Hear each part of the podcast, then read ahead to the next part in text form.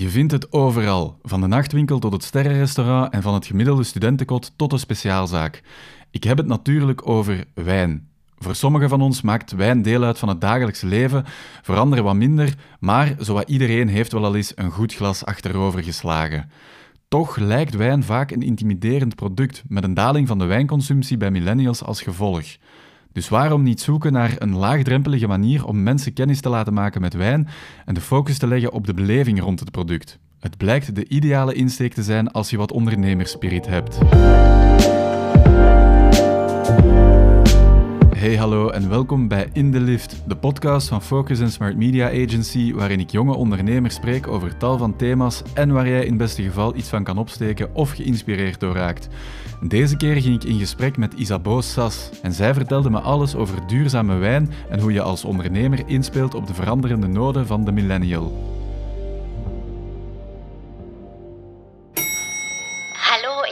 Van Argely Bottle, een online wijnclub en webshop. Iedere maand sturen wij een box met daarin twee flessen wijn naar de mensen thuis en een leuk magazine boordevol weetjes over die wijn. En zo hopen wij om onze klanten niet alleen te ontzorgen van de stress die wijn kiezen en kopen met zich meebrengt, maar ook uh, hen iets bij te leren over wijn en wijn een beetje toegankelijker te maken, minder intimiderend, toffer en uh, ervoor te zorgen dat je altijd lekkere wijn in huis hebt. Goeiedag, Isabeau Sas. Hallo. En uh, welkom bij alweer een nieuwe aflevering van, uh, van In de Lift. Dankjewel. En ik ben heel blij om hier te zijn, want ik zit in een setting um, waarvan het veel te lang geleden is dat ik erin heb gezeten, door uh, onze goede vriend Corona uiteraard. Ja, ja. Vertel eens, waar zitten wij, waar zitten wij ergens? Je bent in de kelder van de Tasting Room. Dat is onze uh, offline showroom op de Vlaamse Kaai in Antwerpen. Die in juli vorig jaar is opengegaan, maar helaas uh, nog niet heel veel mensen heeft mogen ontvangen in uh, deze mooie ruimtes om wijn te proeven. Nee, ja. Van, het is inderdaad om, om wijn te proeven. Wat, ja. wat gebeurt hier zo, zo allemaal? Dat is eigenlijk een, een beetje een verlengstuk van onze webwinkel natuurlijk. Um, maar we wouden mensen ook de wijnbeleving uh, doen voelen. En ik, zocht eigenlijk gewoon een kantoor voor mijn uh, groeiend team. En uh, ik wou niet in zo'n suf kantoorunit gaan zitten. en ik ben dan toch maar gaan kijken naar zo wat retailpanden die misschien ook wat meer brand visibility konden geven. En ik ben hier op een gebouw gebotst aan de Vlaamse Kaai. Dat was een oude, het is eigenlijk een oude bieropslagplaats. Okay. We zitten hier ook dicht bij de uh, Schelde natuurlijk, van uh, niemand minder dan uh, Artois. Dus nog voor het Stella Artois was. Kijk eens. Dus het is eigenlijk geen wijnkelder, het is een bierkelder, maar het ziet er wel uit als een, een wijnkelder. En uh, ja, voilà, hier is ons dus nu onze, ons kantoor, onze winkel uh, en onze ja, proef, proeflokaal. Het is ook een wijnbar. Je kan hier dus ook echt met aan onze Enomatic machines kan je zelf wijn drinken. Dus het is een beetje een hybrid retail concept. Ja, en die machines, je mocht, wat doet dat precies? Want dat ziet er heel cool uit. Het, ja, is, het is een heel cool concept, hè? Ja, dus de, de Enomatic machines, die... Uh, ja, eigenlijk heb je een kaartje van een tasting room, een soort van ja, kredietkaart, maar uh, van het leukere soort, met een, uh, met een wijnbudget op. En dan kan je um, die in de machine steken en dan kan je zelf een van de 16 wijnen kiezen die daarin gekoeld worden. Uh, en of op juiste temperatuur staan, want er staan natuurlijk ook rode wijnen in.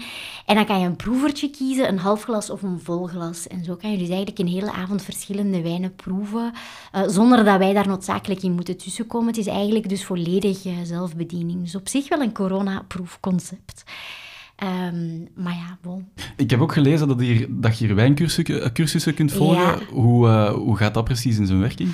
Ja, dus dat hebben we ook nog niet echt kunnen doen, omdat toen we vorig jaar opengingen er ook heel veel um, maatregelen van kracht waren die eigenlijk belemmerden om verschillende mensen uh, uit verschillende bubbels samen te brengen. Maar de bedoeling is toch dat we hier uh, inderdaad met 10 tot 12, 15 mensen max ook de wijncursus voor beginners kunnen doen. Dus dat is een cursus die we hebben die echt voor, voor ja, wijnbeginnelingen is. Dus als je zegt, ja, ik ken eigenlijk niks van wijn, maar ik zou er wel graag iets van bijleren, dan bieden wij een crash course aan. Binnenkort hebben we ook een iets uitgebreidere cursus, uh, die we dan eventueel over meerdere avonden zouden kunnen doen. Uh, we willen ook graag degustaties doen uh, met de wijnmakers hier, al dan niet via Zoom. Dus het is echt de bedoeling dat hier veel meer, ehm, veel meer rond wijn gedaan wordt. Ja. Oké, oké. Ehm, nu, nu, deze bar, of mag ik het een bar noemen? Tasting room? Ja, het is echt een tasting room. Hè. Dus je kan hier komen Ja. proeven. Je kan hier natuurlijk ook in uh, Sensu Stricto is het natuurlijk ook een wijnbar gewoon. Maar eh, We houden het Ja. eh, op tasting room. tasting room, ja. Voilà, het, is, het is eigenlijk een beetje, de tasting room komt van het feit dat als je gaat wijn proeven in wijnstreken, dan heeft elke winery ook altijd een tasting room. En daarvan, daarvan komt de naam eigenlijk. ja, ja. oké, oké. Want die tasting room hier, dat is het offline gedeelte van iets wat zich vooral online eh, afspeelt, of, of hoe dat zo, eh, dat zo is ontstaan. Mhm. Ja. Ehm, Our Daily Bottle. Ja, Vertel eens, wat is Our Daily Bottle precies? Wel, Our Daily Bottle is eigenlijk een, eh, een wijnabonnementenservice, dus het is een online wijnclub waar eh, mensen lid kunnen worden van de wijnclub en dan ontvangen ze iedere maand een box thuis toegestuurd met daarin twee flessen wijn en een magazine.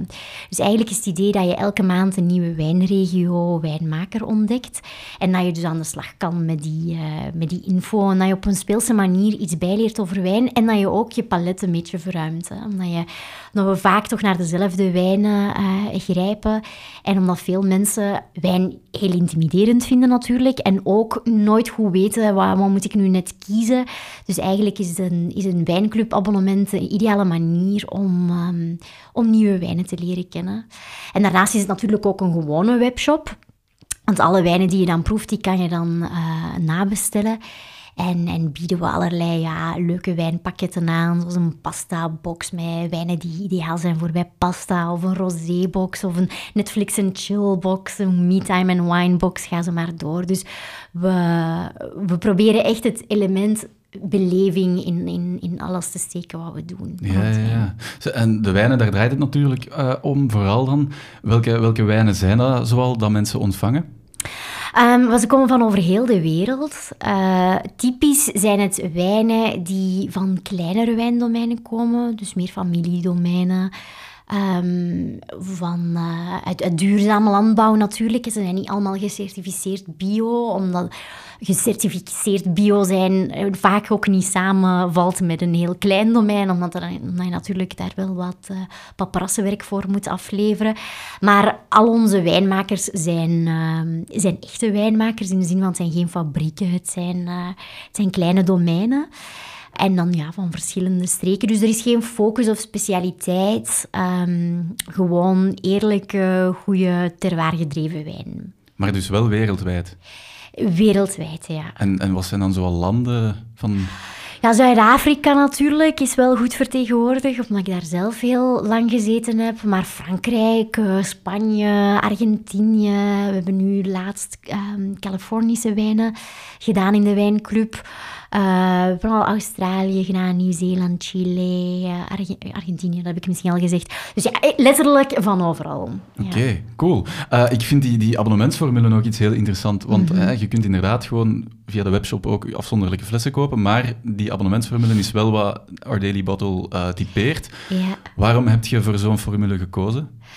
Ja, um, ik, ik zag dat er, uh, dat er hier nog niet echt zoiets was. Hè. Uh, natuurlijk, er zijn heel veel wijnhandels die wel zo een selectie van de maand hadden of die een proefbox samenstelden. Maar echt een platform met een subscription business model was er nog niet. Uh, en dat was eigenlijk heel succesvol in onder andere Amerika en in Frankrijk. Waardoor ik dacht van ja, eigenlijk moeten we daar een Vlaamse tegenhanger voor uh, oprichten. En, en dat zijn we dan begonnen, vier jaar, vijf jaar geleden ondertussen. Okay. Ja. Ja, en nu um, naast die, die webshop en die abonnementsformule is er ook een, een, online, uh, een, een, een, online wijnclub, als ik het goed heb? Of? Ja, dus dat is eigenlijk die abonnementsformule. Dus het idee is eigenlijk dat, je, um, dat we elke maand die relatie met de klant aangaan. Hè. Dus elke maand zie je uh, Our Daily Bottle voor je deur staan. Mm -hmm. Elke maand is het zo iets nieuws uh, rond wijn. Dus dat is de wijnclub, dat is het, ah, okay. het abonnement. Maar het is ja. niet dat mensen onderling met elkaar discussiëren online nog, nog forum. niet, nog niet. Okay. Dat, dat, is in the works. Maar Ah, ja, uh, dat is zeker een van, de, een van de stappen op de roadmap om de, het communitygevoel wat meer, uh, wat meer op te wekken. Ja, de tasting room zou daar de ideale ontmoetingsplek ook voor zijn. En, en we doen ook wel, we hebben ook in het verleden al veel offline tastings gedaan, onder andere in Belgische wijngaarden. maar ja, natuurlijk, het laatste jaar hebben we geen evenementen meer georganiseerd. Nee, nee, nee. Ja, maar wat er wel ook is, en dat heb je mij daarnet nog maar verteld, is een podcast ja. die jullie ook maken. Vertel eens, hoe heet de podcast? Waar gaat die over? Oh, de podcast heeft een zeer originele naam, de Our Daily Bottle Podcast. Kijk eens. er is heel lang over nagedacht. En dat is een podcast die gaat over wijn en het leven, maar dus niet... Um, er, zijn wel, er zijn al wel een, een aantal wijnpodcasts natuurlijk, en die gaan telkens over ja, zijn vaak interviews met wijnmakers. Eh, dat wouden wij niet doen. Wij, wij spreken eigenlijk, het is een soort van interdisciplinaire podcast waarbij we spreken met mensen uit een andere discipline dan wijn, maar over wijn. We zo hebben bijvoorbeeld met een dokter gesproken over wat is nu wel en niet gezond aan wijn. Um, we hebben met een smaakwetenschapper uh, gesproken over wat is nu al die chemie achter wijn en, en is daar een, een soort van objectivering mogelijk in het, in het wijnproeven. Uh, we hebben het over wijn in de oude Grieken gehad, dus, dus redelijk, redelijk breed. Dus het is ook voor mensen die niet zozeer geïnteresseerd zijn in echt extra wijnkennis vergaren, maar gewoon in uh, interessante wetenschappelijke zaken rond wijn. Ja. Ja, ja, En als je nu de conclusie zou moeten, moeten geven van die aflevering met de dokter over, over de gezondheid van wijn, want je hoort inderdaad heel vaak één glas wijn per dag is goed, mhm. maar anderen zeggen dan weer van ja, het is alcohol, dus het is ongezond. Ja. Wat is uw conclusie, of wat was de conclusie van die dokter? Wel, die dokter was zeker ook een uh, wijnliefhebber en uh, ik denk dat we tot de conclusie konden komen dat wijn inderdaad gezond is. Er zitten heel veel gezonde uh, stoffen in. Um, maar uiteraard met maten. Hè. Dus dat is wat iedereen eigenlijk wel weet, want alcohol heeft natuurlijk ook nefaste, um, nefaste werkingen. Maar dat is ook verantwoord Wijngebruik en, en alcoholgebruik is ook wel iets waar wij zelf voor staan. Hè. We heten Our Daily Bottle. Mensen zeggen soms ja, Daily Bottle, maar dat, dat is het niet. Het gaat echt over het, uh, het sociale uh, aspect van wijn. Het brengt mensen samen rond de tafel. En, en ja, je moet stilstaan bij wat je drinkt en niet de fles gewoon leegkappen. Uh, dus er is een verschil tussen wijn proeven en, en de rozeetjes uh, binnengooien op een terras in de zomer. Uh, vaak dan nog heel pover rosé. dus, dus daar staan wij zelf ook wel voor. We hebben daar trouwens een onderscheiding voor gekregen um, van een Europese instelling, die heet Wine Moderation omdat we net het hele proces achter wijn en de verhalen achter wijn, en, uh, dat we meer de ambacht en uh, de liefde voor wijn tonen dan noodzakelijk focussen op het feit dat het uh, ja, iets is waar je beneveld van kan worden. Ja, ja, ja. nu, als we even teruggaan naar het, naar het begin van Our Daily Bottle, um, hoe is het allemaal gestart? Ja, goede vraag. Um, dus een aantal jaar geleden, ik heb, een, ik, ik, ik, ik heb altijd in Zuid-Afrika gewoond. Allee, altijd. Toch een, heel, toch een heel aantal jaren. En daar dan in wijn gewerkt. Dus mijn wijnpassie, die, uh, die dateert al van, van veel vroeger. Maar toen ik dan 28 werd, had ik zoiets van, ja, ik wil eigenlijk toch nog iets meer, uh, iets bijstuderen. Ik had meer een, een taalkundige achtergrond. Dus ik wou meer een business-achtergrond, uh, of, ik wou mijn business skills wat oppoetsen, ik zal het zo zeggen. Dus ik ben dan teruggegaan naar Europa en ik ben in Bordeaux een MBA in wine marketing en business gaan studeren. En daar op die business school, ja, daar moet je natuurlijk veel businessplannen uitschrijven, concepten bedenken. Uh, was, er altijd een, was er een heel grote focus op digital en op millennial wine drinker, die uh, moeilijker bereikt wordt. Um, en daar is het zo het idee een beetje beginnen broeden. Uh, omdat natuurlijk, ja, vanuit, voor Bordeaux is België een heel belangrijke markt. België is een van hun grootste afzetmarkten. Dus zij, hadden, zij, zij hadden wel heel veel studies over de Belgische markt. En in die studies kon je telkens lezen dat uh, wijn bij een jongere generatie België niet meer zoveel gedronken wordt als vroeger. Dus met andere woorden, dat de interesse in wijn tanende was. Mm -hmm. En zo is het idee ontstaan om, um, om daar iets mee te doen en, en om iets... Uh, iets, iets op te richten dat uh, digital millennials uh, combineerde. En toevallig ben ik, ik ben dan na die studies in Bordeaux nog uh, naar Amerika gegaan. Ik heb in Californië gewoond, heel dicht bij Silicon Valley, ook in de wijn gewerkt. En ja, daarmee natuurlijk je in Amerika maar je makkelijk geïnspireerd door alle e-commerce gebeuren. En, en daar kwam de groei in de wijnmarkt, want Amerika is een heel jonge wijnmarkt eigenlijk. Hè. Nog maar 20% van de bevolking is daar echt een fervent wijndrinker. En dat blijft groeien. Uh, want Amerikanen zijn, waren meer uh, bierdrinkers. Mm. hebben natuurlijk dan ook weer prohibition heel lang gehad. Um, dus dat is een jonge wijnmarkt, maar een zeer grote wijnmarkt. En de groei in die markt kwam vooral van de millennials. Um, dus daar zie je eigenlijk een, een, een, omgekeerde beweging van wat er zich in België afspeelde. En toevallig was ik in Californië en schreef de Vlaamse overheid een businessplanwedstrijd uit. Je kon 15.000 euro winnen als je een businessplan indiende. En um, ik heb toen een, een kameraad van een business school uh, gebeld. Ik zei van kom, uh, was de enige andere Belg van uh, dienen we geen plan in en dat hebben wij toen gedaan, zijn in de finale geraakt. Okay. En dan ben ik uh, terug verhuisd naar, naar België uh, om dan die finale te doen. En uh, dan hebben we eigenlijk dat bedrijf meteen opgericht. Ja, ja, ja. Dus dan is het allemaal heel snel gegaan. En dan ja, dat typische start-up verhaal waarbij we zo snel mogelijk, quick go-to-market, minimum viable product, al die start-up termen, dat was bij ons ook wel van toepassing. Dus we hebben vier wijnen geïmporteerd, een website opgezet, een magazine gecreëerd en gewoon de eerste boxen uh, verstuurd. En dan zo zijn we stap voor stap verder gegaan. We hebben ons product gesleuteld aan onze website. Uh, en dat gaat nooit zonder slag of stoot natuurlijk.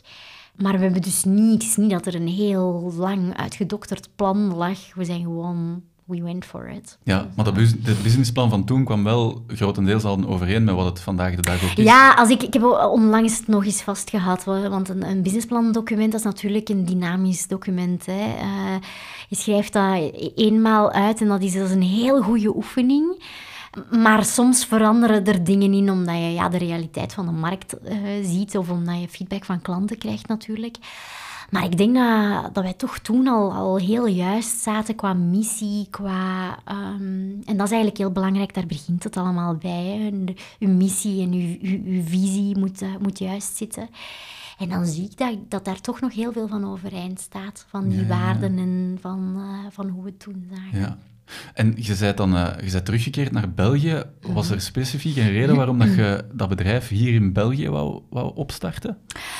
Uh, ja, zo happig was ik er niet op om terug naar België te komen. Ik heb uh, tien jaar... In, ik had tien, toen ik naar België terugkwam, had ik tien jaar in het buitenland gewoond. Hè. Uh, Californië, Bordeaux, Zuid-Afrika. Ja, Dat is ja. allemaal zeer mooie en leuke bestemmingen met wijngaarden. België... heeft andere troeven, dat zal ik zal het zo zeggen. Um, en uh, ja, um, het is gewoon altijd makkelijker om, als je een business idee hebt, om dat in, uh, in je thuisland te doen. Hè. Je hebt daar veel meer recht op, allerlei zaken. Een bedrijf in Amerika starten is echt niet zo simpel. Dan moet je daar de juiste visa voor hebben. Uh, en, en ja, het is echt dankzij die businessplanwedstrijd. Dat is eigenlijk zo de impliciete instigator geweest om, om, om dit op te richten. Um, we hebben dat geld uiteindelijk niet gewonnen. Hè. Maar um, ja, dat was wel de... de impuls. Ja, ja dus de, de Belgische wijnindustrie heeft er niet veel mee te maken gehad eigenlijk. Oh, nee, ja, dat, ik moet oppassen wat ik zeg natuurlijk, maar, maar dat, ik, zal het houden op de conclusie van, van het rapport uh, over de Belgische wijnmarkt. Het was een redelijk traditionele wijnmarkt met, waarbij de digitale boot compleet gemist was. En waar dus eigenlijk, ja, het is een heel verzadigde markt wel, dus er zijn ongelooflijk veel wijnimporteurs in België. Dus de enige manier waarop het slim was en competitief zou kunnen zijn om die markt op te gaan, is met een heel duidelijke positionering. Bij ons was dat, wij zijn er voor millennials. Mm-hmm. Wij zijn een dynamisch initiatief. We zijn het eerste wijnabonnementsplatform. En wij zijn echt digital first. Er waren al wel wat webshops in België, maar meestal een soort van appendix van de bestaande wijnwinkel.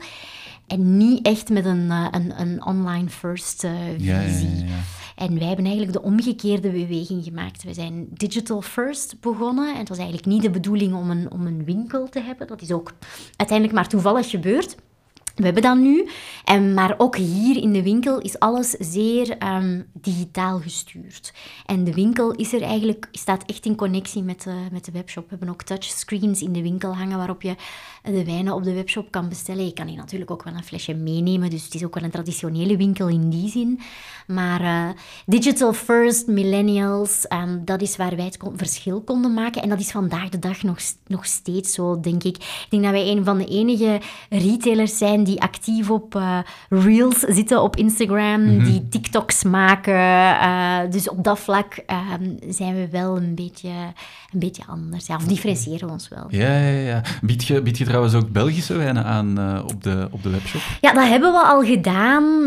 Um, maar, maar het is niet dat we een heel groot uh, aanbod hebben van Belgische wijnen. Het is ook nog maar een heel klein aanbod. Uh, Vaak ja, kan je die wijnen dan natuurlijk ook redelijk lokaal hier kopen. Maar ik ben zeker pro-Belgische wijnen. Ik denk dat er mooie dingen gemaakt worden. Uh, het is niet makkelijk om wijn in België te maken. Uh, dus uh, hoedje af voor alle wijnbouwers. Het is heel duur om wijn in België te maken, zoals alles in België duur is. Personeel kost nu eenmaal massa's geld. Uh, het hmm. klimaat speelt ook niet in het voordeel van landbouwers hier, of toch al, al, al, althans geen wijnbouwers. dus het is niet makkelijk om hier wijn te maken, waardoor het moeilijk is om, om, om even prijscompetitief te zijn met bijvoorbeeld uh, Franse wijnen of Spaanse wijnen. Die kunnen genieten van een heel warm en uh, ideaal klimaat. Dus ja, uh, geen, we hebben geen grote selectie Belgische wijnen. Maar uh, we hebben er zeker al op de webshop gehad. Ja. Oké, want ik heb, uh, ik heb ook eens mijn... Uh, ik heb wat opzoekingswerk gedaan mm -hmm. en um, volgens de goede bron Wikipedia ja. kent ons land wel, ons land wel een, een, een heel lange wijngeschiedenis al, zo'n 2000 jaar met de nodige ups en downs. Ja. Maar ik heb ook gevonden, in 2017 hebben we zo'n 950.000 liter wijn gemaakt in België. Ja. Dat zijn denk ik iets van 712.000 flessen ongeveer. Dat is toch veel, als ik... Allee, dat lijkt mij heel veel. Ja, ik denk dat mensen dat echt onderschatten hoeveel wijn hier gemaakt wordt en, en, en hoeveel plekken er zijn met, uh, met wijngaarden. Um, en ik denk dat de, de vraag ook steeds groter gaat worden naar, uh, naar Belgische wijn. Dus uh, ja, inderdaad. En dat, dat, blijft alleen maar groeien. En, en je ziet natuurlijk ook door klimaatverandering dat... Um, vroeger zeiden ze dat, de, dat de noordelijke grens in, in het... In het um, noordelijk halfrond om, om echt wijn te maken, hè, dat die ongeveer stopt in de Champagne-streek. Dat mm is zo de, de, de meest noordelijke plek om wijn te maken. Maar dat schuift altijd maar op en op. En ondertussen kan je in België ook al, uh, ook al veel makkelijker wijn maken dan, dan vroeger. Dus dat is een... Uh, ja, misschien een positieve noot aan, uh, aan klimaatverandering is dat het hier uh, steeds be ja, beter ja, ja, wordt voor de wijn. Want, want uh, de, de wijnen die wij dan maken, zijn die zijn dat kwalitatief goede, goede lekkere wijnen? Of zitten wij wel nog steeds onder die norm? Nee, ja...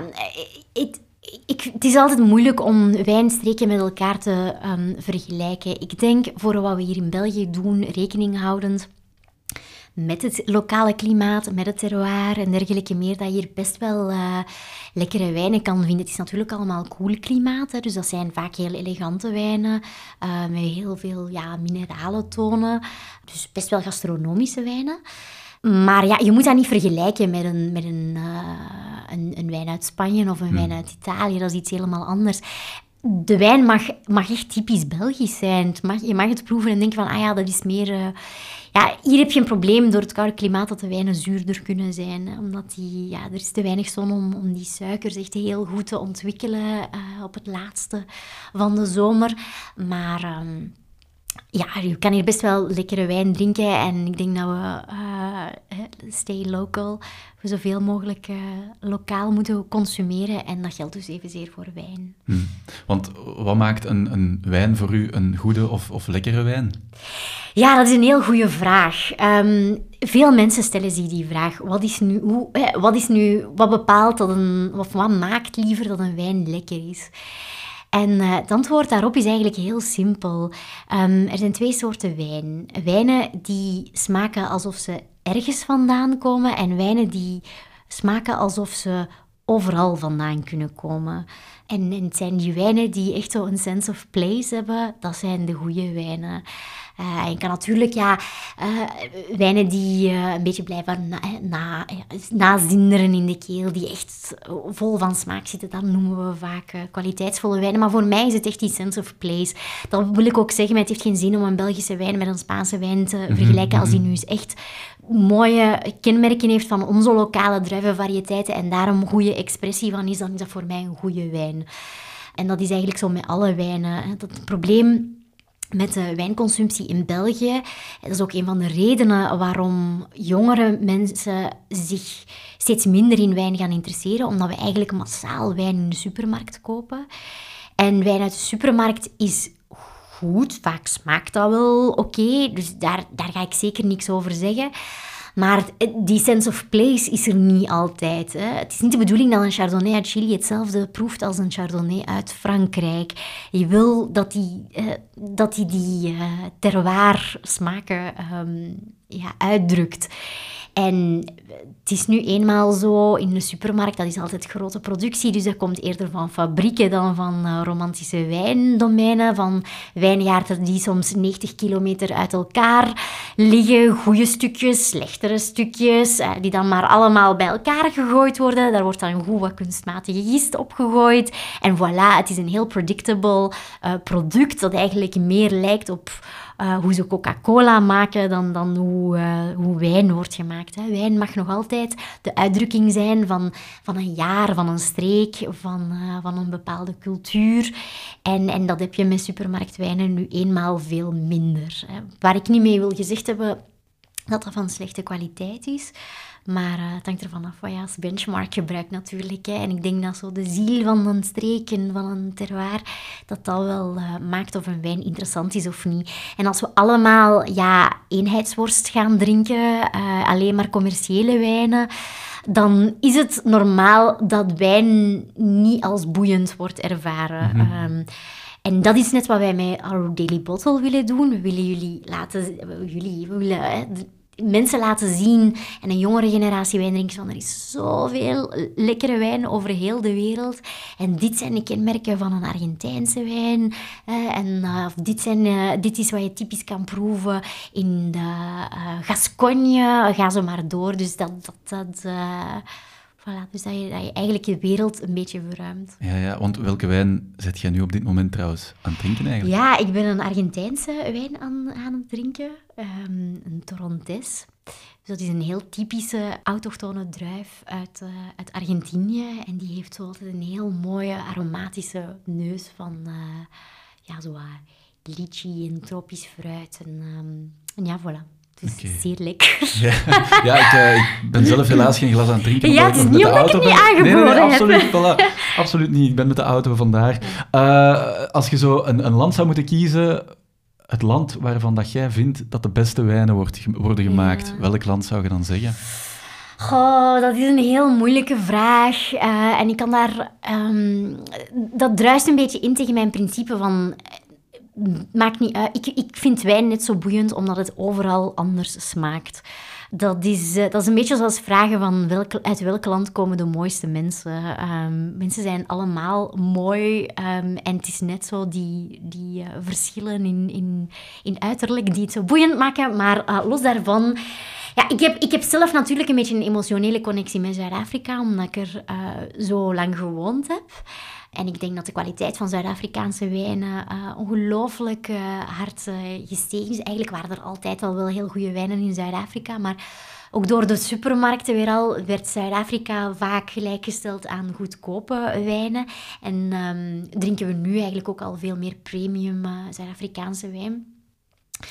Dus ik vind Zuid-Afrika heel veel goed. Maar als ik, als ik kijk naar prijs-kwaliteit, dan moet ik toch toegeven dat niemand Frankrijk klopt in um, diversiteit, uh, in, in, in know-how ook. Uh, Fransen zullen natuurlijk allemaal zelf ook zeggen. Dus dat maakt het altijd zo'n beetje mm, om toe te geven. Maar, maar het is wel zo, je kan... Uh, wat je in Frankrijk allemaal kan proeven, dat is echt een... ehm, dat is eigenlijk echt het land waar, waar, je, waar, waar iedereen naar kijkt. Hè. Ook alle, alle wijn, wijnmakers over heel de wereld, ze maken een Bordeaux blend of ze maken een... eh, een eh, een zuidelijke Rhône blend of, of een Jura-stijl wijn. Dus Frankrijk is en blijft wel de toon zetten. Ehm, dus eh, ja, oh, ik, eh, ik drink zeer graag Franse wijn, maar ik drink graag wijn van overal. Dus, ja.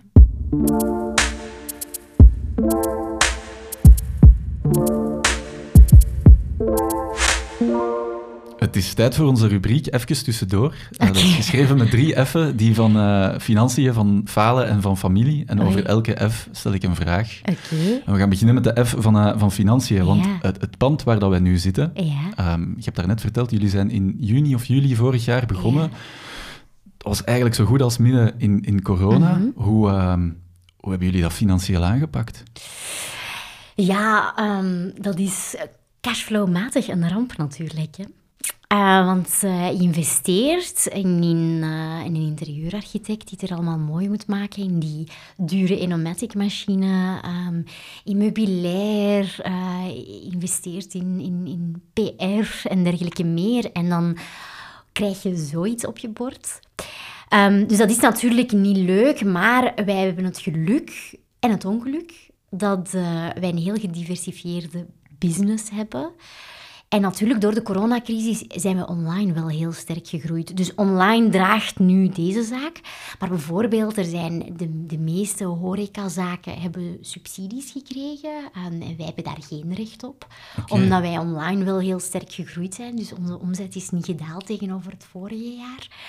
Dus er is geen tussenkomst geweest. En, eh, en dat prikt toch wel, want we hebben hier wel veel in geïnvesteerd. We zijn hier net gestart. Ehm, dus ja, het is eh, een jammere zaak, maar ik denk als we dit kunnen uitzitten, dat het, eh, dat het wel gaat goed komen. Het gaat hier ook volgens mij binnenkort de place to be zijn, omdat hier er komt een prachtig park op de Ja, Vlaamse ja. kaai. Eh, we hebben een leuk terras, dus ja, hopen op betere tijden. Dan is het al tijd voor de F van falen. Ehm. Het heeft niet helemaal rechtstreeks met falen te maken, maar heb jij ook al bijvoorbeeld eens een super slechte reactie gehad op een wijn of op twee wij- wijnflessen die je hebt uitgestuurd en die de consument of de klant echt, echt niet lekker vond? Ehm, er zijn altijd wel klanten die zeggen van... eh, ik moet nu wel zeggen, over de kwaliteit van de wijnen wordt er heel weinig geklaagd.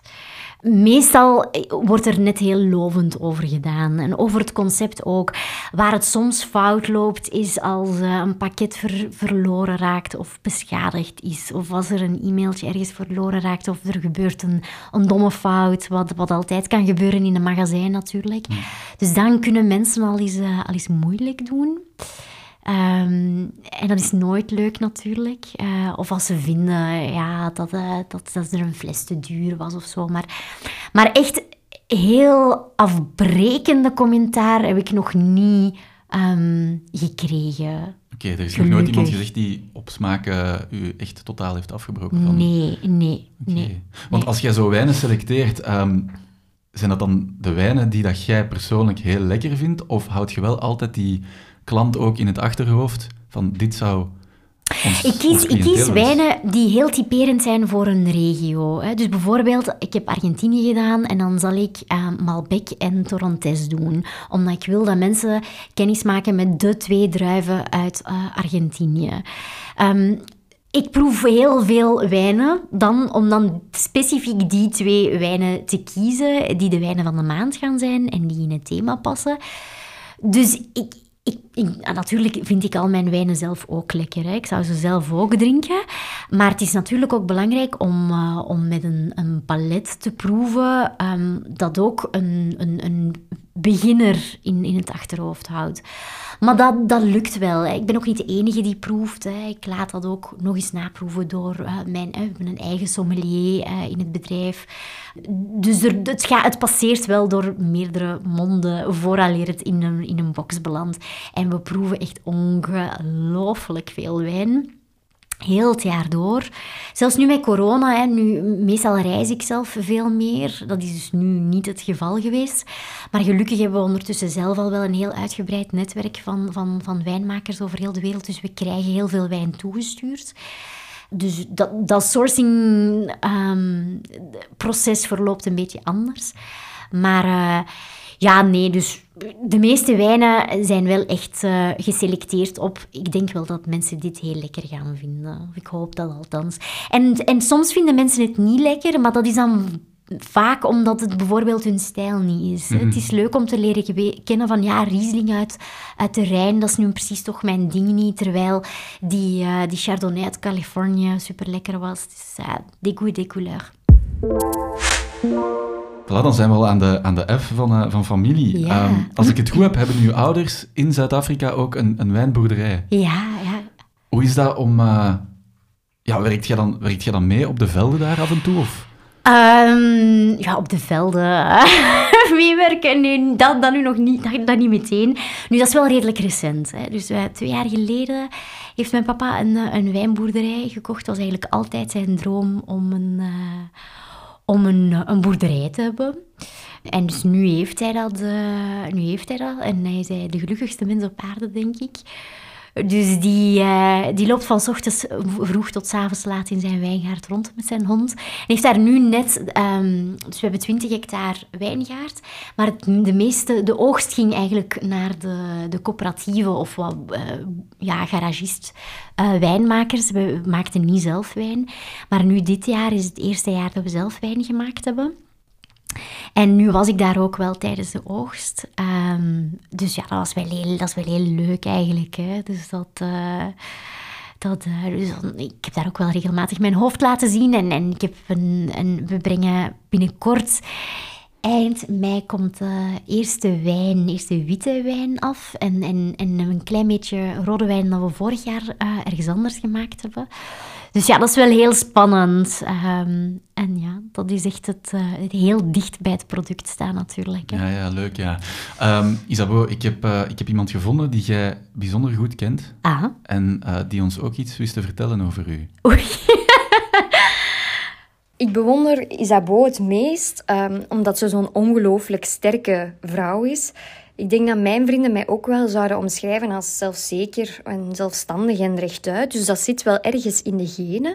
Maar Isabeau, ja, die is wel echt next level. Um, ik hoorde ooit een collega die haar had ontmoet, haar omschrijven als um, Isabeau, ja, dat is, uh, dat Charlotte on steroids. Um, ze praat echt iedereen over onder tafel. Want ze heeft ook over alles een mening, uh, die dan ook nog eens geïnformeerd is. En ze is ongelooflijk gevat, waardoor het zelfs ook voor mij als advocaat zijnde niet altijd makkelijk is om een discussie van haar te winnen, terwijl dat, in principe mijn job zou moeten zijn. Um, dus ik ben uh, heel trots op mijn uh, sassy sister, want uh, ja, wij hebben ook een hashtag. ja. Amai, waar heb je die gevonden? Ja, wie hebben we zo net gehoord? Ze heeft het eigenlijk al gezegd, maar wie hebben we zo net gehoord? Dat is mijn zus, ja. ja. Mijn sassy sister. Ja, ja, voilà, die naam, de sassy sisters. Ja. Van, waar, van waar komt dat, die hashtag? Ja, omdat onze achternaam Sas is en uh, nomen is omen, denk ik. Dus uh, wij zijn uh, alle drie... Ja, want wij, we hebben eigenlijk ook nog een broer. Ah, oké. Okay. ja. Okay, okay, maar ja, bon, dat is, dat is, een, dat is de jongste. Dus die, die vergeten we soms. Nee, nee. Um, maar eh, ja, alle drie een heel... Uh, ja, the gift of the zij, uh, zegt ons mama wel eens. Zij heeft ooit de Blarney Stone gekust. Dat is een, zo een heel bekende steen in een kasteel in Ierland. En als je die kust, dan krijgen je kinderen de gift of the cab. En ik denk dat ze zich dat al meerdere malen beklaagd heeft. Want ja, drie heel, heel mondige... ja, offspring. Ja, ja want uh, uw zus vertelt het ook inderdaad, uh, dat het gigantisch moeilijk is om een discussie van u te winnen. Ja. Discussiëren jullie dan vaak?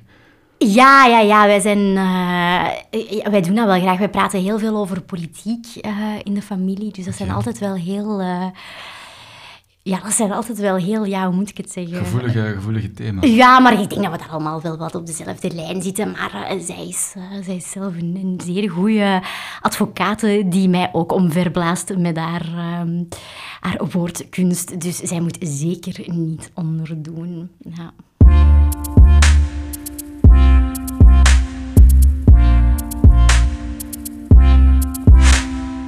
Isabeau, um, Our Daily Bottle brengt wijn eigenlijk ja, rechtstreeks van, van de boer uh, tot bij de klant. Um, zitten daar ook veel jonge wijnmakers tussen?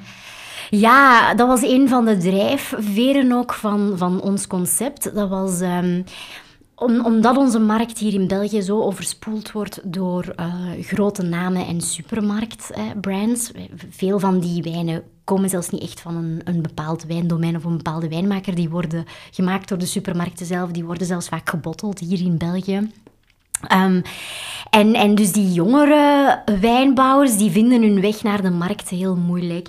En dan had je eigenlijk twee dingen. Dan had je enerzijds de jonge wijnbouwers en anderzijds jonge, jonge wijnconsumenten. En um, die probeerden wij dan met Really Bottle samen te brengen. Enerzijds door de jongere wijnmakers een platform te geven waar, we, waar ze hun verhaal uh, kwijt kunnen en hun wijn. En, uh, en dan anderzijds de jonge consument die we proberen op een iets toegankelijkere manier die passie en, en, en, en wijnkennis bij te brengen. Hmm. En dat zijn dan uh, wijnmakers die, die vaak nog vrij kleinschalig zijn uh, ja. en die wijn ook op een duurzame manier proberen, daarover zo meteen. Ja. Uh, maar, maar waarom is dat voor u zo belangrijk om met die, met die kleinschalige of die kleinere wijnboerderijen te kunnen... Omdat je daar de, de prijskwaliteit vindt. Ja. Dat is nu eenmaal zo. Zij moeten ook competitief zijn. Um, en, en dus vaak verkopen zij hun wijn onder de, onder de prijs. Dus, dus wij willen ook echt wijnen aanbieden die veel duurder proeven dan ze eigenlijk maar zijn.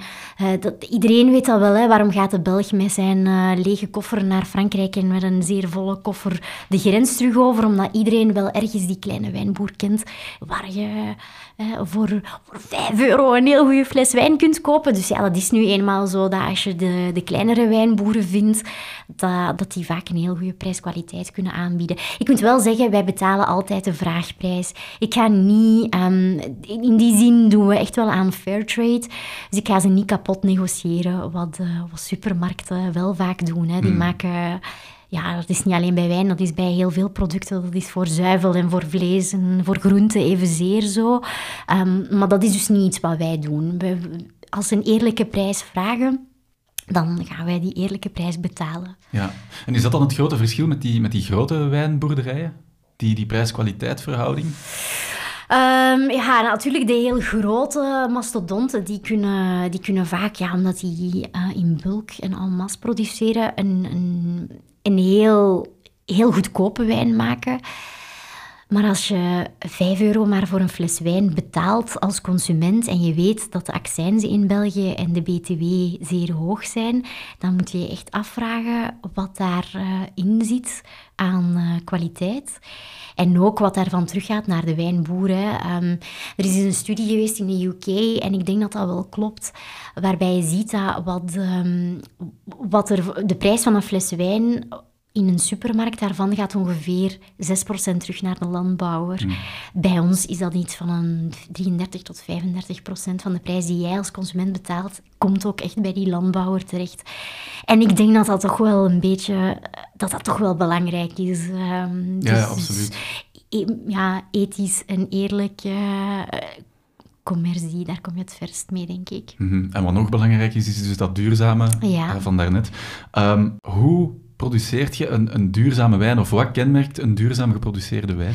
Ja, um, u probeert toch in de wijngaard um, als een plant. En die, uh, als je die in zijn vrije natuur en zorgt voor een gezonde biotoop, dus dat daar veel insectjes en veel covercrop en weet ik van wat nog allemaal rond in, in leeft liever, ja, dan ga je een heel gelukkige plant hebben. En die gaat dus ook goed, uh, goed fruit uh, produceren. Maar als je gaat voor volume, dus dat is als je voor kwaliteit gaat. Als je gaat voor volume, ja, dan wil je eigenlijk zo weinig mogelijk dingen die... Uh, dan wil je, zo, dan wil je dat, dat er vooral veel geproduceerd wordt. Dus dan ga je misschien wat meer water geven, pesticiden gebruiken, ervoor zorgen dat die plant zoveel mogelijk fruit voortbrengt in plaats van zo kwaliteitsvol mogelijk fruit. En... Ehm, en ja, dat is, het ene is duurzaam en het andere iets minder. Hè. Dus uh, er zit, is, een, een, een goede wijnbouwer die echt lekkere wijn wil maken, die, die zal dus eigenlijk uit zichzelf en niet uit een of andere morele, um, ja, morele gedrevenheid zijn, uh, zijn wijngaarden gezond houden. Die gaat, dat, die gaat dat doen omdat hij weet dat is hoe ik de beste wijn kan maken. -hmm. En hebben we het dan over, over natuurwijnen of, nee. of biowijnen? Of... Ja, dus dat is ook iets dat, dat, mensen kennen, kennen het onderscheid ook niet zo goed. Hè. Dus biologische wijnen, dat zijn wijnen, dat gaat over de landbouwtechniek. Dus daar, bij bio, um, biolandbouw worden er geen herbiciden en geen pesticiden in de wijngaard gebruikt. Biodynamische landbouw is nog zoiets. Hè. Dat is eigenlijk een beetje, dat gaat nog een stapje verder. Geen herbiciden, geen pesticiden. En um, er worden, um, de wijngaard wordt zo sterk mogelijk gemaakt door ervoor te zorgen dat die biotoop goed leeft. Dat is ook een klein beetje esoterisch in zekere zin, omdat die werken met de getijden en de standen van de maan en dergelijke meer. En de natuurwijn dat gaat eigenlijk over hoe, hoe, de wijn dan, eens dat het fruit geplukt is, wordt gemaakt in de wijnkelder. Dus natuurwijn is meestal ook, al ja, bijna altijd, uh, komt dat uit biolandbouw of uit biodynamische landbouw, maar is het dan een beetje zo no intervention, hands-off winemaking. Dus... Uh, ja, dan, dan denk ik zo weinig mogelijk sulfieten, maar dat is eigenlijk al bij, bij bio-wijnen ook het geval. Uh, geen, geen filtering vaak. Eh, maar dat zijn allemaal, zeker natuurwijn, daar is geen, uh, daar is geen duidelijke definitie voor. Dus mhm. dat is ook heel vaak een marketingplooi. Ja, ja, Dus je moet daar wel wat voorzichtig mee zijn.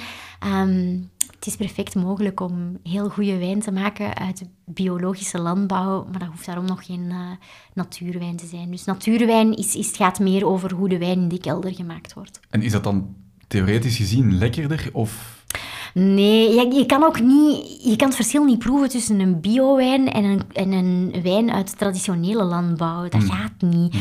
Uh, een natuurwijn, dat kan je wel vaak proeven, omdat dat echt over, ja, dat is echt een heel typische stijl. Er zijn ook vaak uh, aroma's, de ene al wat beter dan de andere, die daaruit uh, uit voortkomen, die typisch zijn voor natuurwijn.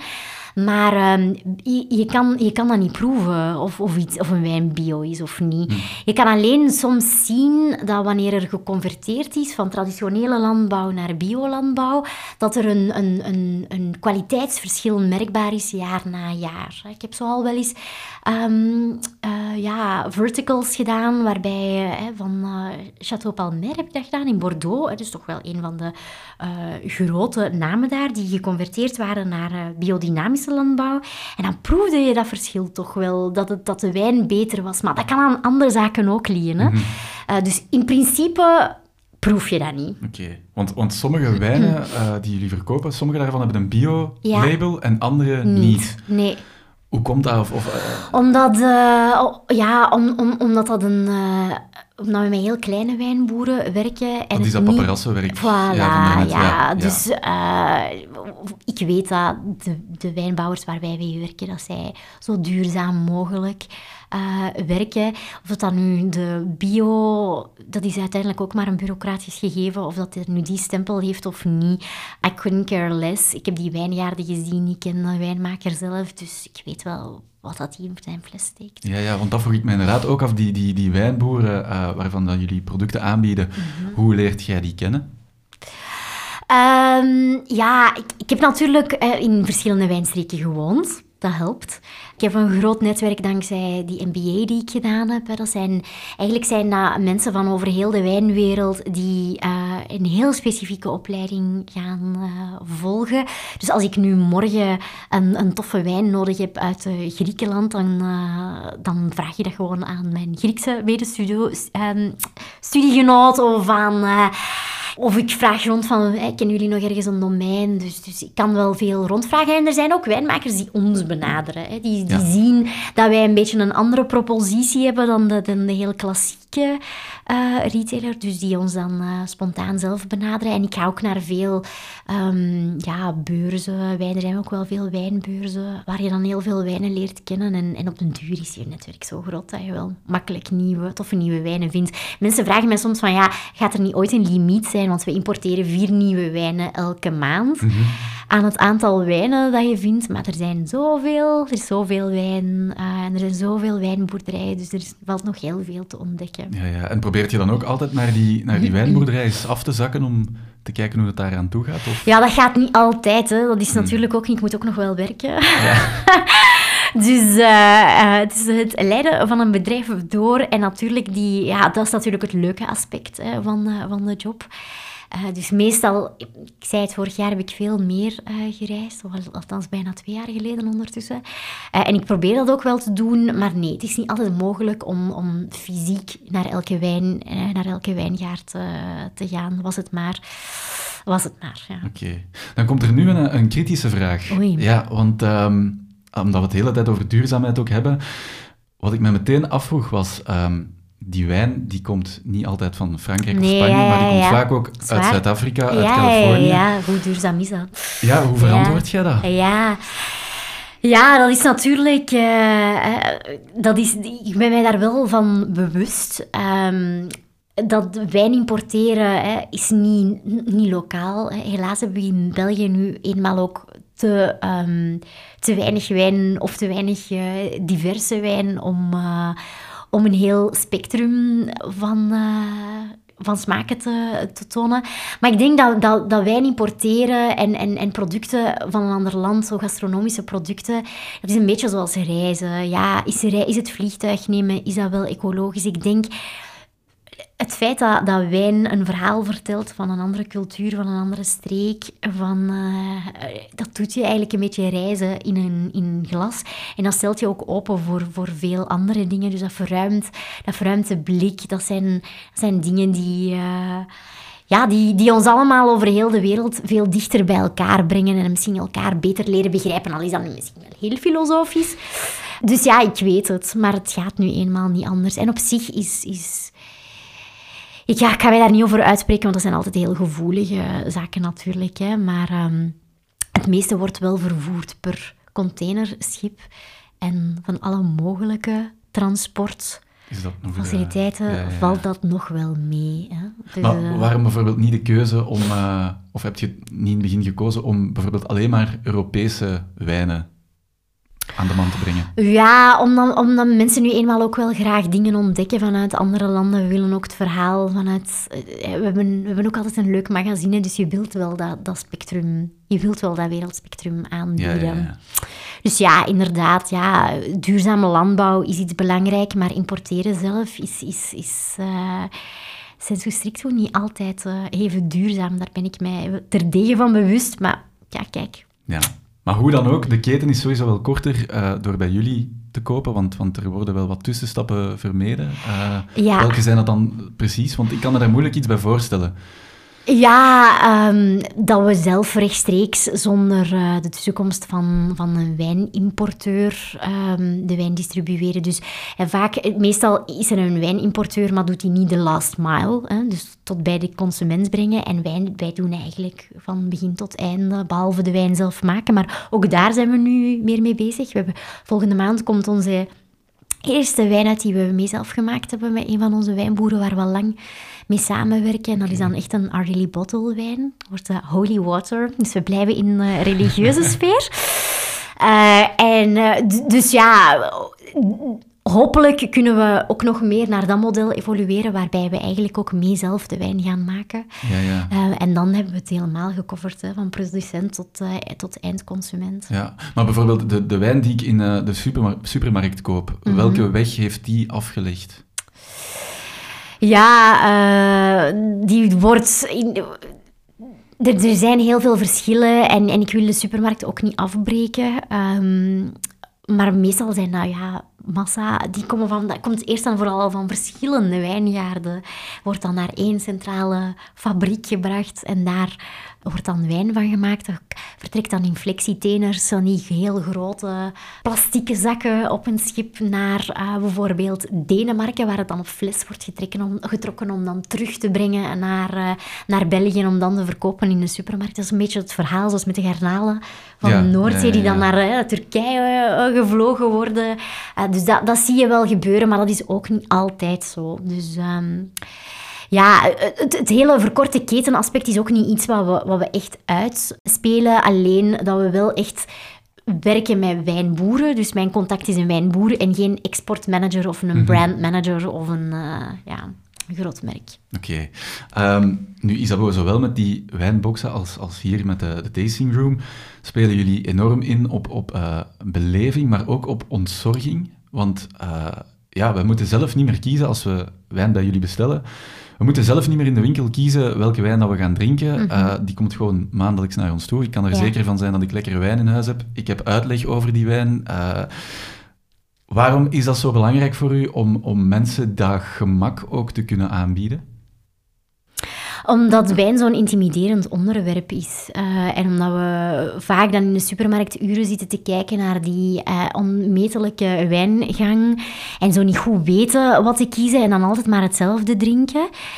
Um, dus dus die, in die zin, het hele curation aspect um, is echt een, een, een uh, een groot deel van, van onze propositie. Um, van ja, je moet niet meer kiezen, de wijn wordt aan je deur geleverd, je moet er niet mee sleuren, je moet niet, geen, uh, niet met de 25 kisten Bordeaux over de periferiek uh, zeulen in de zomer om toch maar genoeg uh, mm wijn te hebben. Dus ja, dat is een beetje wat, wat wij willen doen. Ja, ja, en een deel van die beleving en die ontzorging zit, zit ook in jullie verpakking, in jullie dozen, het design daarvan. Hoeveel zet je daarmee bezig, met hoe dat alles eruit ziet? En, en... Ja, ik denk eh, meer dan, uh, dan andere uh, wijnhandelaars. Omdat ik, ik, ik, denk dat ik goed besef dat, dat als je een brand wil creëren, en dat willen we met Our Daily Bottle echt, we willen echt dat dat een soort van vertrouwensstempel is voor mensen ja, dan, dan is branding van begin tot einde heel belangrijk. Dat is ook het, het eerste en het enige waar ik echt geld aan heb gegeven, is aan een heel goed logo designen omdat, dat, omdat ik weet dat dat zo belangrijk is. En, en dus ja, onze doos is heel kleurrijk en dat is mooi. Mensen krijgen dat, dat is echt een cadeautje bijna. En uh, ja, dat, dat is gewoon, dat is heel belangrijk. Dat, dat het zou aankomen in een lelijke doos. Probeer zelf soms ook wel zo eens wat buitenlandse wijnabonnementen uit. En mhm. als dan soms in zo'n stomme wijndoos aankomt, dan vindt hij dat toch altijd maar zo'n beetje...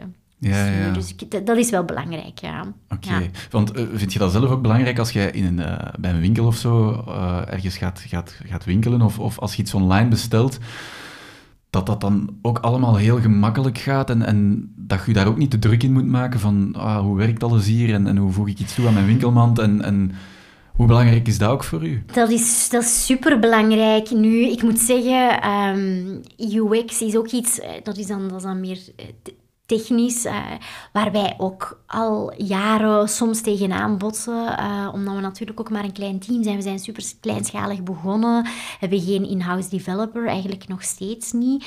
Um, dus dat is niet altijd even gemakkelijk, maar, maar customer centricity en een hele goede klantenservice aanbieden en een heel persoonlijk contact zijn, dat is zeer belangrijk bij ons. Daarom ook zo het wijnclub gegeven, het idee dat je, uh, dat je ons kan e-mailen, dat je heel persoonlijk wordt aangesproken, dat wij uh, ons best doen om, om, om je te helpen ik denk dat dat, uh, dat dat is waar je het verschil kan maken. En, en dat is ook zo'n beetje het, het, het vertrouwelijke gevoel dat wij willen creëren bij, bij, de, bij de klant. Dat, is ons echt, dat er geen enkele stomme wijnvraag is of dat, uh, dat we echt niet gaan lachen uh, als je vraagt, ah, maar doen jullie daar dan echt aardbeien bij in die wijn of zo? Dat, dat, dat, daarom is dat, ja, wijn heel toegankelijk maken um, was heel belangrijk voor ons. Vandaar ook een redelijk toegankelijke maandelijkse prijs, een toegankelijke hoeveelheid. Het zijn maar twee flessen. Het, zijn mhm. geen, het is geen proefpakket van zes flessen elke maand. Je kan je abonnement makkelijk opzeggen, al die zaken. Um, als je de fles niet lekker vindt, mag je ze terugsturen. Om mensen maar geen... Want, want wijn online kopen, ja, het, je kan de wijn niet proeven. Hè. Mensen proeven nog altijd graag. Dat is een van de redenen waarom we natuurlijk deze tasting room nu hebben, om, om, om ook dat element te kunnen aanbieden. Maar... Um, ja, op zich is het dus heel belangrijk om, om heel benaderbaar te zijn. Ja, ja, ja. Uh, die ontzorging, ja, dat is echt wel een van jullie uh, eh, USP's. Mm -hmm. um, maar heb je niet schrik of zo? Of, of denk je niet dat we wat te veel gepamperd worden tegenwoordig?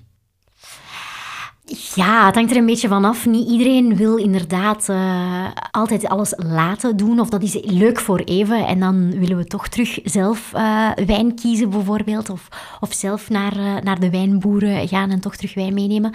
Maar daarom dat we ook. Um, willen wegbewegen van alleen um, een abonnementsformule. Hè. Dus eigenlijk was ons initiële concept, het is het wijnabonnement, inderdaad, hè, volledige ontzorging, moet u niet meer stressen over wijn. Um, en vind je de wijn lekker, kan je hem bijbestellen. Terwijl we nu ook veel meer andere klanten aantrekken die gewoon zo eens eenmalig wijn willen kopen, die zelf een pakket willen samenstellen die gewoon eens een leuke box willen ontvangen rond een bepaald thema, maar die niet noodzakelijk elke maand uh, die wijn automatisch aan huis willen krijgen. Uh, dus, dus ja, uh, het is inderdaad belangrijk om, om daarmee rekening te houden in je concept en businessmodel. En het is natuurlijk ook maar de vraag of abonnementen nu zijn heel in. Hè. Recurring business is, is wat elk bedrijf wil. Maar de vraag is, ja, gaat dat een trend blijven? Of gaan mensen inderdaad daar op, een bepaald moment genoeg van krijgen en, en terug meer uh, zelf de touwtjes in handen willen nemen. En dan moet je ervoor zorgen dat je merk sterk genoeg is en dat je business gediversifieerd genoeg is. En we willen ook meer en meer bewegen naar een platform, niet alleen voor een abonnementsformule. Dat is natuurlijk onze core business en, en wat ons anders maakt. Maar ook een platform waarop je veel, waar je kan komen om, om over wijn iets bij te leren, om leuke dingen te zien, um, om wat te lachen met grappige wijnquotes of, of, of uh, andere zaken, om een wijncursus te doen. Um, dus dus de, de educational klemtoon, die willen we ook meer en meer gaan leggen in de toekomst. Vandaar ook bijvoorbeeld onze podcast. Uh, dus al die zaken, die, uh, die moeten het merk ook nog wel matuurder maken. Ja, en ik denk de, de tasting room waar dat we nu zitten, mm -hmm. maakt er zeker ook wel, wel ja, deel van uit. Want ja. dat is ook iets wat je tegenwoordig ja, heel veel ziet hè, van die, van die pop-up store, van die concept stores, die, die vaak gelinkt zijn aan een merk dat ooit online is begonnen. Denk je dat we um, naar een, een, maatschappij evolueren waar dat het als ondernemer belangrijk is om zowel online als, als offline aanwezig te zijn? Of iets te kunnen aanbieden? Ja, um, ik denk dat dit jaar daar een, uh, een uitstekend voorbeeld van was. Ik denk dat dat de digitale opleiding was die uh, België voornamelijk nodig had. Hè. De maatschappij in, globally was al veel digitaler dan, dan, dan wij. Um, mensen gaan meer online gaan en gaan voor dat gemak kiezen. En ze hebben, dan nu ook, ze hebben daar nu meer van kunnen proeven. Mensen die misschien niet zo vaak online bestelden, die gaan dat zeker nu veel vaker gedaan hebben. Maar ik denk dat het menselijk contact niet te onderschatten is. Uh, en dat uh, brick and mortar gaat altijd blijven bestaan. De retail gaat zich gewoon een beetje moeten heruitvinden. Dat is ook wat wij proberen in de tasting room. Het is echt een hybrid retail concept, waarbij online en offline uh, naadloos geïntegreerd worden. Um, dus dus die, die, dat gaat, je gaat daar altijd een beetje een, ba een balans in moeten zoeken. En, en, en online only, ja, je ziet dat in, met heel veel bedrijven inderdaad, zoals je zegt, die online gestart hebben, zijn en die dan toch ook naar iets, naar iets tastbaars zijn gegaan. Zeker met een product zoals wijn. Hmm. Dat is nu net, het gaat, dat is heel sensorisch op alle mogelijke manieren. Dus mensen willen dat ook wel, uh, willen dat ook wel zien, vasthouden en, uh, en eerst proeven vooraleer ze dat aankopen.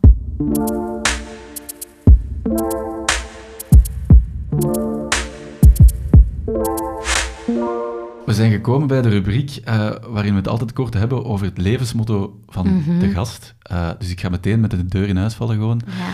Wat is uw levensmotto? Dat van mij is heel action-oriented. In de zin van, um, if you want to do it, do it now. Als ik een idee heb, I run with it. Ik ga daar niet eindeloos over nadenken of ik ga dat niet uitstellen. Ik ga daar echt, ik ga meteen uh, de koe bij de horens vatten en zien, kan ik dit uitwerken of niet. Dus ik denk dat dat wel mijn, uh, mijn, mijn mindset zo'n beetje is. Heb je daar een, een concreet voorbeeld van, van wanneer dat je dat hebt toegepast?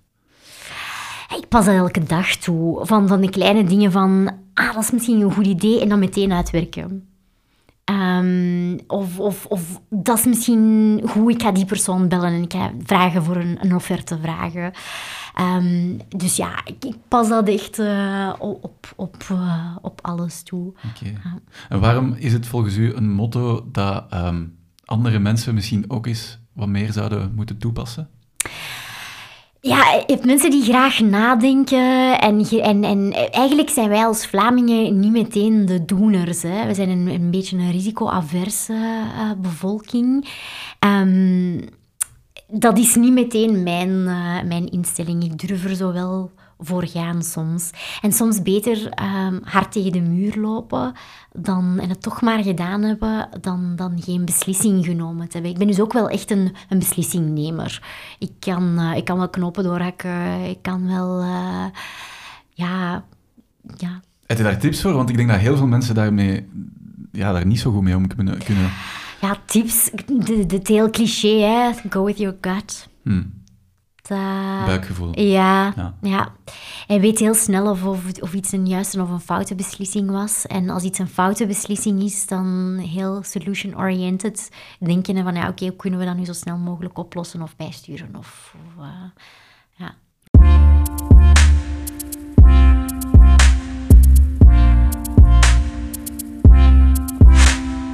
Isabo, die, die um, ontzorging en die beleving waar dat we het daarnet over hadden, dat zijn um, heel populaire termen. Uh, als, het, als het over consumentengedrag gaat, uh, wordt heel veel gebruikt. En zeker bij consumenten van onze leeftijd, bij de mm. millennials. Um, wij lijken daar heel veel belang aan te hechten, aan die, aan die ontzorging en die beleving en die ervaring van, van producten. Mm -hmm. Hoe komt dat volgens u dat onze generatie daar zoveel belang aan hecht? Uh, oh, ik neem natuurlijk geen um, antropoloog of socioloog, dus uh, een heel uh, wetenschappelijke verklaring ga ik daar niet altijd voor kunnen geven. Ik kan alleen maar naar mijn eigen leefwereld kijken. Ja, voilà, um, ja, ik, wij zijn altijd wel op zoek naar de next best thing, denk ik. we zijn sneller moeilijker om, om, om entertained, geëntertained te blijven. Zo'n beetje de zapcultuur. Mhm. En dus is het belangrijk om, uh, om die interesse vast te houden. En dat kan alleen maar door echt zo een experience te geven. Misschien dat we ook vaker op zoek zijn naar experiences om dat op onze social media channels te kunnen delen. En we delen ook veel meer met elkaar. Um, dus misschien heeft het daar iets mee te maken, maar zoals ik al zei, dat is niet meteen mijn, uh, mijn expertisevlak. Ik, kan alleen maar, ik, ik weet alleen dat, dat, dat, dat het belangrijk is om op beleving te focussen. Want hechten wij dan volgens u um, genoeg belang aan zo de, de, kleine, ja, de kleine dingen van het leven, de kleine geluksjes? Um, Nee, ik, dat denk ik niet. Ik denk dat, dat corona daar misschien een, een, een goede um, pauzeknop voor was. Dat, dat, het is, dat we terug het belang zien van is een goede wandeling, hoewel iedereen waarschijnlijk al beu gewandeld is. Uh, van, van gewoon een, een glas wijn te drinken uh, op, op een avond in plaats van in een luidruchtig café met goede muziek en heel veel mensen en, en nieuwe mensen ontmoeten. Dus zonder al die externe prikkels, maar gewoon in binnenshuis met je partner of, of een familielid of je knuffelcontact een glas wijn te drinken en een goed gesprek te voeren, want veel meer was er niet te doen. Dus uh, ik, denk dat dat, ik, ik, denk dat daar zeker nu, dat dat wel een beetje herontdekt is. En dat dat wel positief is. En ik hoop dat dat wat blijft. Dat we minder zo die uh, all action, uh, no rest ja, ja, ja. generatie zijn. Eh, zelf ben ik daar altijd al wel redelijk goed in geweest. Ik denk dat dat ook is omdat ik een wijndrinker ben. Dus ik ben al zo wel, altijd zo wel een beetje alijs en zo genietend van een goed gesprek. En eh, Ja. voor mij hoeft het niet eh, een, een druk festival te zijn met heel veel verschillende groepen. Ik geniet meer van een, een avond met heel veel verschillende wijnen. Oké, oké, Dus, ja. Maar dus je bent wel een levensgenieter. Ja, ja, ja, ja, En kunt je, als je dan een, een glas wijn drinkt, kunt je daar ook echt oprecht van genieten? Of zet je toch altijd bezig met ja, de achtergrond van die wijn of, of voor Our Daily Bottle? Nee, nee, nee, nee. Nee, want, want het is zo dat, dat de business is ontstaan en niet omgekeerd. Hè. Ehm, dus meer uit de liefde voor wijn dan uit de liefde voor business. Hoewel dat er ook wel is natuurlijk. Ehm, dus nee, ik kan eh, wel... Dat is echt mijn manier van ontspannen, een glas wijn drinken. Ehm, dus dat... eh, ja, ik, ik weet ook wat dat bij mij doet. En, en, en ik, vind, ik, vind, ik mis mijn wijnvrienden heel erg. Want ik ben natuurlijk, ik heb heel lang in het buitenland gewoond. En altijd zo mensen rondom mij gehad die ook heel erg met wijn bezig waren. Nu is dat iets minder, omdat in België nu eenmaal die, die wijncultuur niet zo sterk aanwezig is als in andere landen. Dus ik, ik mis dat eigenlijk wel om zo een hele avond over wijn te babbelen. Ja. Oké, oké. Ehm, wat brengt de toekomst nog voor Daily Bottle? Eh, hopelijk veel. We zijn eh, nu stappen aan het zetten om eh, het concept te dupliceren in, in Duitsland en Frankrijk. Eh, we zijn ook naar wat andere markten aan het kijken, eh, in de vorm van een soort van franchise-model.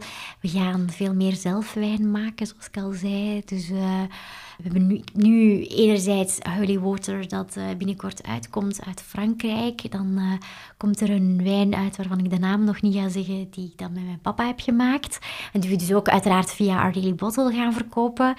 En, en die, dat wil ik wel veel meer gaan doen ook. Ehm, dus nu, ehm, en, en daarom niet ehm, zelf overal wijndomeinen zetten. Maar zoals ik nu voor de eerste keer heb samengewerkt met, met Pierre, eh, mijn, eh, mijn wijnmaker uit het zuiden van Frankrijk, eh, wil ik dat met, met bijvoorbeeld met Nathalie ook doen, mijn champagneboerin en, en alle andere contacten in de verschillende streken. Dus, dus daar gaan we ook zeker naar kijken. En, eh, en ja, nog meer focus op, op, op, op education, maar op een, eh, op een toegankelijke manier. Oké, en over de, de Holy Water nog even. Als je schaamteloze reclame zou mogen maken, Ja, hoe zou je het verkopen? Ja, ehm, het is waarschijnlijk beter dan de miswijn die, eh, die de pastoors eh, kopen. Eh, nee, Holy Water, het is een, een, een Chardonnay en een Sauvignon Blanc dat we gemaakt hebben. Ehm, heel lekkere, betaalbare wijn ook, want het gaat heel betaalbaar zijn. Met een leuk etiket, een leuke naam. En die... die ja, hopelijk een zeer spirituele avond kan, kan bieden en een goed gesprek kan starten. Oké. Ja. De, de, de kerk en zo, dat is misschien nog wel een, een afzetmarkt. Ik weet dat eh, eigenlijk niet. Om, Nee, om- blijkbaar drinken die, kopen die hun wijn eh, in een Aldi of zo. Ah, oké. Hij heeft mij zo ooit iemand van de kerkfabriek mij. Oké, Van de kerkfabriek, ja. ja. dus ja. Oké. Nee, dat zijn zeker niet de, de Grand Crus dat daar eh, tijdens nee, een mis nee. worden gedronken. Ja, ja. Heb je, heb je nog andere wijn- of, of niet-wijn gerelateerde ambities? Ehm, nee. Heel je leven draait gewoon rond. Ja, ja, ja. ja. Goh, ehm, business in, in general eh, interesseert mij natuurlijk ook wel. En ik ben denk ik wel een echte ondernemer. Ik kan zo opstaan en een goed idee hebben. En dat willen ontwikkelen. Ik, ik ben ook vooral een... Ik, ik, ik eh, ben echt een brandmarketeer in de zin van ik creëer graag een brand. Ik vind dat leuk om zo concepten te bedenken, daar een mooi merk en, en, en storyline bij te bedenken. Dus dat doe ik ook wel graag. Ehm, misschien ga ik nog wel ooit eens een boek schrijven, maar dat zal dan wellicht ook over wijn gaan. Dus ja, ik denk dat ik wel echt dat mijn leven doordrongen is van, eh, van wijn. Ja.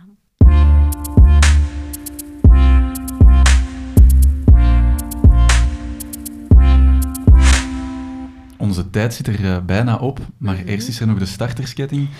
Eh, ik ga je zo meteen een vraag laten horen die gesteld is door onze vorige gast. En eh, het is de bedoeling dat je daarna dan ook een vraag stelt aan de volgende gast, zonder te weten wie die persoon Ja. is. De vorige keer zat ik bij Morgan Giele, eh, ze is Mhm. een fotografe, en zij heeft de volgende vraag voor u. Oké. ja, misschien verder te gaan op die zelfontwikkeling van wat zijn bepaalde dingen waar je als persoon of ondernemer nog tegenaan loopt? Of wat zijn uw beperkende overtuigingen of bepaalde patronen die je nog hoopt om te vormen naar iets anders over de jaren heen? Oeh, ehm, ik heb zo wel een lijstje van dingen waarvan ik weet, oeh, werkpuntjes. Ehm, ik denk dat, dat het moeilijk... Wat ik als het moeilijkste al ervaren heb en waar ik soms nog wel tegenaan loop, is... ehm, ik, ik ben inderdaad iemand die er heel erg voor gaat. En ehm, ik heb ook mensen rondom mij nodig die diezelfde spirit hebben. Ehm, ik ben ook echt een, een werkpaard. Dus ik, ik heb ook mensen in mijn team nodig die heel proactief zijn. Die ehm, eh, mijn manier van communiceren, die soms als hard ervaren wordt door mensen aankunnen die dat niet persoonlijk nemen. En ik denk dat dat nog wel, dat dat wel moeilijk is, omdat ik het ook allemaal zo persoonlijk neem. Als er een klant een klacht stuurt omdat iemand eh, iets fout gedaan heeft, dan kan ik daar ook echt zo van ja, nooit door zijn. En dan, bij mij weet je altijd eh, waar het staat. Hè. Ik, ik, eh, ik wind nergens doekjes om. Ik heb echt zo'n efficiëntiedrang. En eh, ja, ik denk, dat, ik denk dat dat soms wel moeilijk is om met mij samen te werken. Want ik ben daar zeker van. Maar ik ga dat toch niet kunnen veranderen. Ja, dus, dus ik, denk, ik denk dat, dat, eh, dat, dat, dat mensen vinden die even sterk zijn op dat vlak en die, eh, die wat mijn, mijn filosofie wat delen, dat dat, eh, dat, dat, dat, dat geen gemakkelijke is.